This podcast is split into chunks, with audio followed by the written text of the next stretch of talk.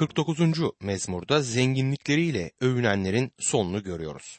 Hatırlarsınız mezmurları gruplara ayırmıştık. 40 ile 49. mezmurlar arasındaki mezmurların çıkış mezmurları olduğunu söylemiştim. 49. mezmur bunların sonuncusunu oluşturur. Tanrı'nın bu mezmurlarda kötülere ve doğrulara karşı nasıl davrandığını gördük. Gördük ki Tanrı'dan uzak olan halkını Tanrı özel şekilde yönlendirir. Yasalarına bağlı kalmadıklarında onları vaat edilen topraklardan çıkartır. Sıkıntı döneminde kendisine ait olanları tekrar kendisine getireceğine dair söz verdi. Bunu daha önce 430 yıl Mısır'da köle olarak yaşayan İsrail oğullarının yaşamlarında yapmıştı. Onları kölelikten kurtarıp vaat ettiği ülkeye getirmişti. İleride İsrail ulusunu da büyük sıkıntı döneminde bu şekilde ve daha da sonuca giden bir şekilde görkemli bir göçle kurtaracaktır.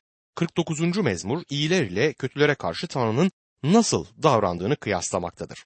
Dünyasal zenginliklerin ne kadar geçici olduğu konusunda ya da hayatın kısa olduğu konusunda filozofik düşüncelerle hiç uğraşmaz. İçinde bulunduğumuz bu hayatın cilveleriyle, tehlike ve sıkıntılarla nasıl uğraşmamız gerektiğini bize açıklamaz. Basitçe der ki, hayatta gösterebildiğimiz her meziyetin kendi ödülü vardır. Adalet ve doğruluk sonunda kazanacaktır. Bu mezmur sadece dünyasal zenginliğin ne kadar boş olduğunu açıklamakla kalmaz. Aynı zamanda bu zenginliklerle övünenlerin ve ona bel bağlayanların sonunun ne olacağını da bizlere gösterir. Günümüzün düşünce akımlarına hiç de uymayan ve hatta devrimsel bir mezmur olarak ona bakabilirsiniz. Ama içinde yaşamakta olduğumuz bu kötü günlerde bu mezmurdaki düşüncelere daha çok yer vermeliyiz. 49. mezmur 1 ila 4. ayetler şöyle yazar. Ey bütün halklar dinleyin, kulak verin hepiniz. Ey dünyada yaşayanlar, halk çocukları, bey çocukları, zenginler, yoksullar. Bilgelik dökülecek ağzımdan. Anlayış sağlayacak içimdeki düşünceler. Kulak vereceğim özdeyişlere. Lirle yorumlayacağım bilmecemi. Mezmur yazarı bu ve bunu izleyen mezmurda Tanrı'nın kendi yarattıklarına duyurmak istediği çağrıyı aktarır. Bu aynı duyuruyu yaşayanın birinci bölümüne geldiğimizde yine görürüz. Yasanın tekrarı yani Tesniye kitabında da bu çağrı bulunur. Tanrı kendi halkı İsrail'i onlara vaat ettiği topraklara yerleştireceğine dair söz verirken gökyüzünü ve yeryüzünü tanık olarak çağırmıştı. Bu tanıklık yalnızca toprakların onlara verildiğini kabul etmekte kalmayacak, aynı zamanda verilen topraklarla birlikte yerine getirmeleri gereken koşullara da tanıklık yapacaktı. Buradaki çağrı bir ezgi niteliğinde yapılır. Yasanın tekrarı 32. bölüm 1. ayette Ey gökler kulak verin sesleneyim. Ey dünya ağzımdan çıkan sözleri işit diyor. Aslında bu ayet Musa'nın ezgisinin başlangıcını oluşturur. Bu ezgide Tanrı İsrail oğullarını vaat ettiği topraklara hangi koşullar altında soktuğuna tanık olmaları için yeryüzünü ve gökyüzünü tanık olarak çağırmaktadır.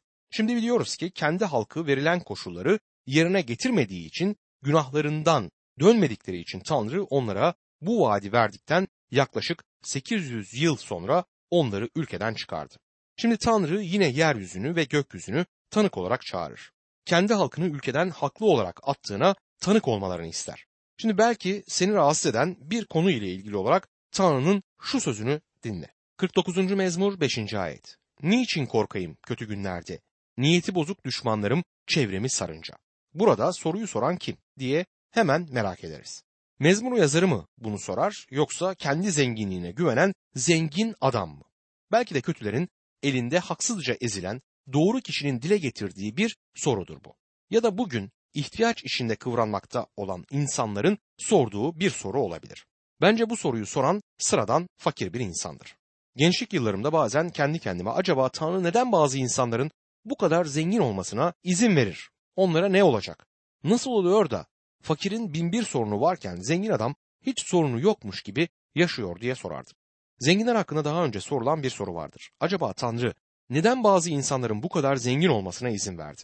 Onlara ne olacak? Şimdi buna yanıt gelecektir.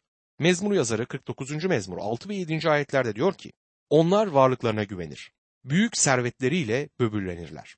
Kimse kimsenin hayatının bedelini ödeyemez. Tanrı'ya fidye veremez. İşte burada açıkça yazıyor. İnsan istediği kadar zengin olsun, bazı şeyler var ki bunları asla satın alamaz. Tanrı'ya fidye veremez, kurtuluşunu satın alamaz. Zengin ve Tanrı'yı tanımayan adam ile ben yan yana kurtuluş tezgahına gidecek olsaydık ben tezgahtara sadece şunu söylerdim. Benim bu kurtuluşu alabilecek ne param var ne pulum, ne malım ne evim. Hiçbir şeyim yok. Ama birisi benim kurtuluşum için gereken fidyeyi ödedi. Çünkü hiçbir insan bunu ödeyemez. Sıra zengin adama gelince o da aynı şeyi değişik şekilde söylemek zorundadır. Bol param var. Malımın değerini ölçemiyorum. Çünkü bugün ölçmeye kalksam hesabın sonuna varmadan değeri artar. Bir sürü evim, otellerim, mağazalarım var ama bunların hepsini bir araya toplasam dahi bu kurtuluşu satın alamam. Milyoner ile zavallı fakir ben aynı seviyedeyiz. Her ikimiz de ancak İsa Mesih'in verdiği fidye ile kurtuluşa kavuşabiliriz. Elçi Paulus bundan söz ederek Romalılar mektubunda Romalılar 4. bölüm 4 ve 5. ayetlerde şöyle der. Çalışana verilen ücret lütuf değil hak sayılır. Ancak çalışmayan ama tanrısızı aklayana iman eden kişi imanı sayesinde aklanmış sayılır. Şimdi mezmurun parantez içindeki kısmına geldik. 49. mezmur 8 ve 9. ayetlerde çünkü hayatın fidyesi büyüktür. Kimse ödemeye yeltenmemeli. Böyle olmasa sonsuza dek yaşar insan. Mezar yüzü görmez diyor. Basitçe diyor ki insanın hayatı için gereken fidye çok ama çok yüksektir. Hiç kimsenin bu kurtuluşu sonsuz hayatı satın alacak parası yoktur. Zenginler de herkes gibi ölecektir. İsa Mesih'in anlattığı Lazar ve zengin adam benzetmesi de bu mezmunun verdiği ahlak ölçülerini daha yoğun bir şekilde önümüze serer. Bir kişi ne kadar zengin olursa olsun canının kurtuluşu konusunda onu kurtarabilecek, fidyeyi verecek kadar zengin değildir. Sonsuz yaşam Tanrı'nın İsa Mesih aracılığıyla insana sunduğu armağandır. Ama bedeli insani ölçülerle ölçülemez. 49. mezmur 10. ayette kuşkusuz herkes biliyor. Bilgelerin öldüğünü, aptallarla budalaların yok olduğunu, mallarını başkalarına bırakıyorlar. Kim olursan ol kardeşim, ne kadar paran olursa olsun, ne kadar para biriktirmiş olursan ol, köşeyi dönmüş olman bunların hiçbiri beni ilgilendirmiyor. Seni ve beni ilgilendiren bir gün hepimizin de öleceği gerçeğidir. Sen çok zenginmişsin, efendim nüfus sahibiymişsin. Bunları kefenin içine sokup öbür dünyaya taşıyamazsın. Hepsini ister istemez senden çatır çatır koparıcasına alıp bu dünyada ölüm bırakacaktır. Bütün mücevherlerini, paralarını, hisse senetlerini alıp bir kasaya kilitleyebilirsin. Eski zamanın firavunları gibi özel mezar yaptırıp seninle birlikte gömdürebilirsin. Bunlar benim, bana ait. Hiç kimse bunları benden alamaz diye haykırabilirsin ve bir aşamaya kadar doğru konuşmuş olabilirsin. Bunları hiç kimse senden alamaz ama seni bunlardan alıp götürecek olan ölüm var. Bir gün ölüm meleği senin de kapını çalacaktır. O zaman dünyasal zenginlikler ölçüsüne göre fakir olacaksın. Ruhsal zenginliğe gelince bu sana bağlı. Sırf yeryüzünde hazine biriktirmekle meşgul olmuşsan ve bu göksel değerleri aramamışsan öbür dünyaya tam takır kuru bakır gideceksin. Denildiği gibi kefenin cebi yok. 49. mezmur 11. ayette mezarları sonsuza dek evleri kuşaklar boyu konutları olacak. Topraklarına kendi adlarını verseler bile diyor. Bazıları geride isim bırakmak hevesini güderler. İsmim soydan soya anılsın isterler. Birinin bir bina üzerinde ismi olmuş ama o ismin sahibi Tanrı huzuruna gidince onun ismi yaşam kitabında bulunmamışsa bu neye yarar? Ben ismimi binalar üzerine kazdıracak kadar paraya sahip değilim. Bir gün bunlar yıkılmış olacak. Üzerine yazılan kişi unutulacak ama benim adım yaşam kitabına yazıldığı için ben mutluyum. 49. mezmur 12. ayette bütün gösterişine karşın geçicidir insan. Ölüp giden hayvanlar gibi diyor. İşte toz tozdur. Herkes gibi zengin adam da bir gün ölecek ve toz olup gidecektir. 49. mezmur 13. ayette budalaların yolu onların sözünü onaylayanların sonu budur diyor. Şimdi ilginç bir ifadeyle karşılaşacağız. 49. mezmur 14. ayette sürü gibi ölüler diyarına sürülecekler. Ölüm güdecek onları. Tan ağırınca doğrular onlara egemen olacak. Cesetleri çürüyecek, ölüler diyarı onlara konut olacak diyor. Yine burada zenginlerden söz edilir. Bunlar koyun sürüleri, kimliksiz koyunlar gibi ölüler diyarına inecek olanlardır. Değerli dinleyicimiz ölümü hiç göz önünde canlandırmaya giriştiniz mi bilmiyorum. Burada mezmur yazarı ölümü bir çoban gibi canlandırır. Önünde zengin insanlar ve bunları ölüler diyarına sürürken görür. Ölüm bir çoban gibi onları ölüm diyarına iter. Bununla başka bir durumu kıyaslayacak olursak Davut'un yazdığı 23. mezmura bakabiliriz. Rab çobanımdır der Davut. Bu çoban İsa Mesih aynı zamanda bize diyor ki 1. Yuhanna 5. bölüm 12. ayette kendisinde Tanrı oğlu bulunanda yaşam vardır. Kendisinde Tanrı oğlu bulunmayanda yaşam yoktur. Sahte çoban ölümdür. Onların cesetlerini çürümek üzere ölüler diyarına sürecek ve burası onlara mesken olacaktır. 49. mezmur 15. ayette ama Tanrı beni ölüler diyarının pençesinden kurtaracak ve beni yanına alacak diyor. Daha önce de açıkladığım gibi burada sela sözcüğü biraz duraksayıp düşünmemizi, dinlememizi ve ona göre hayatımızı düzenlememizi ister. Senin canını kurtarabilecek olan tek bir kişi var. O da Tanrı'nın kendisidir. Bu hayatta önemli olan zengin olup olmadığın değildir. Son bir inceleme yapacak olursak göreceğiz ki bu dünyadan göçüp gittiğimizde en önemli etken canlarımızın kurtuluş bulup bulmadığıdır. Sonsuzlukta geçer akçe para olmayacaktır. Mesih'in kanı bulunacaktır. İsa Mesih'e iman ile sen yeniden doğuşa sahip misin? Tanrı'nın çocuğu oldun mu? Son hesapta önemli olan budur. 49. mezmur 16. ayette korkma biri zenginleşirse, evinin görkemi artarsa der. Dünyamıza baktığımızda görüyoruz ki zenginler paralarından dolayı istediklerini yaparlar ve sanki hiç kimse bunu aldırmaz. İstedikleri gibi zina işliyorlar. Canım bunlar zengin bu gibi şeyleri yapabilirler diye yargı verilir. En adi seks skandallarının ortasında olmalarına rağmen paralarından dolayı önemli konuma sahip olabilirler. Hatta devlet başkanı bile oluyorlar. Biliyorum bu dünyada fakir insana adilce davranılmıyor. Haksızlık başını alıp gitmiştir. Ben İsa Mesih'e güveniyorum. O geldiğinde kendi adil egemenliğini kuracaktır ve fakiri de, doğru kişiyi de, kötüyü de yargılayıp adaleti yerine getirecektir. Bir gün biliyorum ki hakkımı alacağım. 49. mezmur 17 ila 20. ayetler arasında çünkü ölünce hiçbir şey götüremez. Görkemi onunla mezara gitmez. Yaşarken kendini mutlu saysa bile, başarılı olunca övülse bile atalarının kuşağına katılacak. Onlar ki asla ışık yüzü görmeyecekler. Bütün gösterişine karşın anlayışsızdır insan. Ölüp giden hayvanlar gibi diyor. Bazıları her şeyin ölümle sonuçlandığına bakıp yaşama boş hayat der. Ne var ki hayatı boşluğa salıvermek ya da anlamla doldurmak yine kişinin kendi kararına bağlıdır. Pek çok kişinin yaşamı anlamdan yoksun, tez geçen bir rüya gibidir. Sana düşen bir sorumluluk var kardeşim. Kendi yaşamını sağlıklı, yararlı gelişime dönüştürmek. Tanrı sana sorar. Yaşamın nedir? Bunu düşünüyor musunuz? Evet senin yaşamını buhara benzetir ama buharın bile görebileceği belli bir iş vardır. Bazı buhar boşluğa yükselir. Hiçbir iz bırakmadan kaybolup gider. Bazı buhar ise makinaları, motorları, çarkları çalıştırır, verimli sonuç elde edilir. Senin yaşamının buharı bunlardan hangisini andırıyor? Hayatta en üstün başarı nedir diye sorulsa gelip geçici şeyleri kalıcı yapmaktır diye en doğru cevabı vermiş olacak mısın? Uçan buharın önemi neyse senin yaşamınınki de odur. İnsana kendi nefesini veren, kendi yaşamı ve ruhu ile onu yöneten Tanrı şu fani varlıkları en güzel şekilde kalıcı yapmak istemektedir. Dostum kötülerin görünüşte başarılı olmaları seni üzmesin. Senin hayatın sonsuz değerlerle donatılmışsa dünyanın en zengin adamlarından daha zenginsin. 50. mezmura geldiğimizde bu mezmurun bir yargı mezmuru olduğunu görürüz. Şimdi Asaf'ın ilk mezmuruna geldik. Asaf tapınakta koro şeflerinden birisiydi. Üç tane koro şefi vardı. Heman, Asaf ve Etan. Bu mezmuru incelediğimizde hemen ortaya çıkacak bir gerçek bulunur. Mezmur yargı hakkındadır. Tanrı'nın doğruluk içinde gelip hem kendi halkını hem de kötüleri nasıl yargılayacağını bildirir. 50. mezmur 1 ila 3. ayetler şöyle başlar. Güçlü olan Tanrı Rab konuşuyor.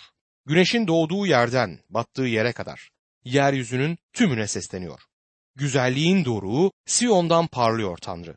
Tanrımız geliyor. Sessiz kalmayacak. Önünde yanan ateş her şeyi kül ediyor. Çevresinde şiddetli bir fırtına esiyor. Mezmura giriş büyük bir hareketlilik ve güç ile başlar. Güçlü ve yüce Tanrı'nın gelmekte olduğunu beyan eden bir mezmurdur. Bir gün Rabbimizi göreceğiz. Bundan daha güzel bir şey olabilir mi? Her imanlının dört gözle beklediği bir olaydan burada söz edilir. 50. mezmur 4. ayette halkını yargılamak için yere göğe sesleniyor diyor. Tanrı yargı kürsüsünü kuracaktır ve vereceği yargının birçok kişi tarafından izlenmesini ister. Tanıklar ister. Yapacağı her şeyde, vereceği her yargıda herkesin görmesini ister ki o adildir, doğrudur ve kutsaldır. Şöyle der 5. ayette. Toplayın önüme sadık kullarımı. Kurban keserek benimle antlaşma yapanları. Burada bizden söz etmez. Biz Rabbe yaklaşmak için kurban kesmedik ve kesmeyiz de. Çünkü bizim kurbanımız İsa Mesih oldu. Çarmıhta kendi canını fidye olarak bizim için verirken o bizim için kurban oldu. Burada Yahudilerden, İsrail ulusundan söz edilir. 50. mezmur 6. ayette gökler onun doğruluğunu duyuruyor. Çünkü yargıç Tanrı'nın kendisidir. Kimdir yargıç? Tanrı'nın kendisi. Ama bu yargı işini baba Tanrı yapmayacaktır. İsa Mesih Yuhanna 5. bölüm 22. ayette baba kimseyi yargılamaz. Bütün yargılama işini oğula vermiştir der. Evet, o yargı gününde insanları yargılayacak olan İsa Mesih'tir. 50. mezmur 7. ayette ey halkım dinle de konuşayım. Ey İsrail sana karşı tanıklık edeyim. Ben Tanrıyım, senin Tanrınım diyor. Tapınak daha yıkılmadan önce Yarışilim'de yaşamış olsaydın ve orada Rabbe nasıl tapıldığını görseydin şu soruyu sorardın. Rab sen bu insanları mı uyarıyorsun? Onları mı eleştiriyorsun? Bak bu insanlar düzenli şekilde tapınağa geliyor. Bizim kilisemize gelen insanlar gibi her pazar saatinde tapınmaya geliyorlar. Üstelik hafta arası toplantılara da katılıyorlar. Görmüyor musun Rab bu insanlar arı gibi çalışkan, durmadan, dinlenmeden senin tapınağınla meşguller. Onlara mı bu sözleri söylüyorsun? Bunun yanıtı evet olacaktır. Evet bu insanlara Rab konuşur. Düzenli şekilde onun tapınağına gelmek, kilisesine gitmek Tanrı'nın gözünde en önemli şey değildir. Tabii ki ona tapınmamızı ister ama gerçekte ve ruhta tapınmamızı bekler. Diri Tanrı ile diri bir bağlantı içinde olmamızı ister. Değerli kardeşim kiliseye gidişin, onun önünde tapınışın, Tanrı'yı hoşnut edecekse önce Rab İsa Mesih ile diri bir bağlantı içerisinde olmalısın. Ancak o zaman yüreğinin düşünceleri ve ağzından çıkan övgü sözleri onu hoşnut edecektir. 50. mezmur 8 ve 9. ayetlerde kurbanlarından ötürü seni azarlamıyor, yakmalık sunuların sürekli önümde. Ne evinden bir boğa ne de ahıllarından bir teke alacağım. Çünkü bütün orman yaratıkları, dağlardaki bütün hayvanlar benimdir diyor. Tanrı onlara ne demektedir? Bana adak hayvanlarını getirdiğin zaman gerçekten bir şey feda ettiğini, özveriyle davrandığını mı sanıyorsun? Baksana zaten dağların binlercesindeki hayvan bana ait. Burada Yeremye peygamberin sözlerini hatırlatmamak elde değil. Yeremye 7. bölüm 22 ve 23. ayetlerde. Çünkü atalarınızı Mısır'dan çıkardığımda yakmalık sunularla kurbanlar hakkında onlara seslenip buyruk vermedim. Onlara şunu buyurdum. Sözümü dinlerseniz ben sizin tanrınız, siz de benim halkım olursunuz. İyilik bulmanız için her konuda size buyurduğum yolda yürüyün. Rab Tanrı bu ruhsal gerçeği hem kendi halkı olan İsrailoğullarına hem de bize defalarca duyurmuştur. Mika peygamber aracılığıyla yine aynı şeyi söyler. Mika 6. bölüm 6 ila 8. ayetler arasında şöyle yazar. Rabbin önüne ne ile çıkayım? Yüce Tanrı'ya nasıl tapınayım? Onun önüne yakmalık sunuyla mı? Bir yaşında danayla mı çıkayım? Binlerce koç sunsam, zeytinyağından on binlerce dere akıtsam, Rab hoşnut kalır mı? Suçuma karşılık ilk oğlumu, işlediğim günah için bedenimin ürününü versem olur mu? Ey insanlar! Rab iyi olanı size bildirdi. Adil davranmanızdan, sadakati sevmenizden ve alçak gönüllülükle yolumda yürümenizden başka Tanrınız Rab sizden ne istedi? 50. mezmur 12. ayette ise acıksam sana söylemezdim. Çünkü bütün dünya ve içindekiler benimdir diyor. Tabii ki yaratıcı acıkmaz. Ama farz edelim ki acıkmış şimdi kalkıp da kendi yaratıklarından yiyecek mi isteyecektir? Bu çok saçma. Her şey zaten ona aittir. 50. mezmur 15. ayette sıkıntılı gününde seslen bana. Seni kurtarırım. Sen de beni yüceltirsin diyor. Aslında Tanrı kendi yarattıklarına yardım etmeye hazırdır. Onlara diyor ki zor duruma düştüklerinde ona gelsinler. Rab ona sığınanları yaşamlarında yaptığı büyük işlerle yüceltir. Kötülere gelince onları yargılayacaktır. Belki onlar düşünüyor ki Tanrı onların kötülüklerini unutacak. Hayır bunu unutmayacaktır, hatırlayacaktır ve günahlarının karşılığını verecektir. 50. mezmur 21 ve 22. ayetlerde sen bunları yaptın ben sustum. Beni kendin gibi sandın. Seni azarlıyorum. suçlarını gözünün önüne seriyorum. Dikkate alın bunu. Ey Tanrı'yı unutan sizler. Yoksa parçalarım sizi, kurtaran olmaz diyor. Değerli kardeşim burada ciddi olmalıyız. Çünkü Tanrı bu sözleri sadece İsrail ulusu için konuşmadı.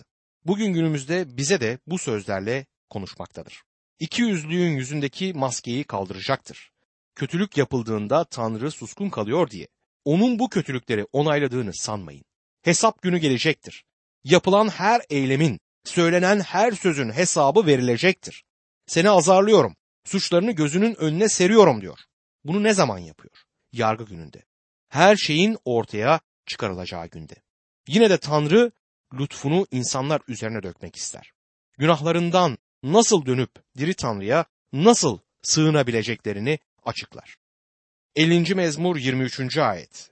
Kim şükran kurbanı sunarsa beni yüceltir. Yolunu düzeltene kurtarışımı göstereceğim. İnsan yolunu nasıl düzeltir? İsa Mesih şöyle dedi. Yol, gerçek ve yaşam benim. Hayatını İsa Mesih'e teslim eden kişi ancak bu şekilde yolunu düzeltebilir. İsa Mesih'te kaldığı süre onun yolunda yürümüş olur. Tanrı'nın kurtarışı aslında tam olarak budur.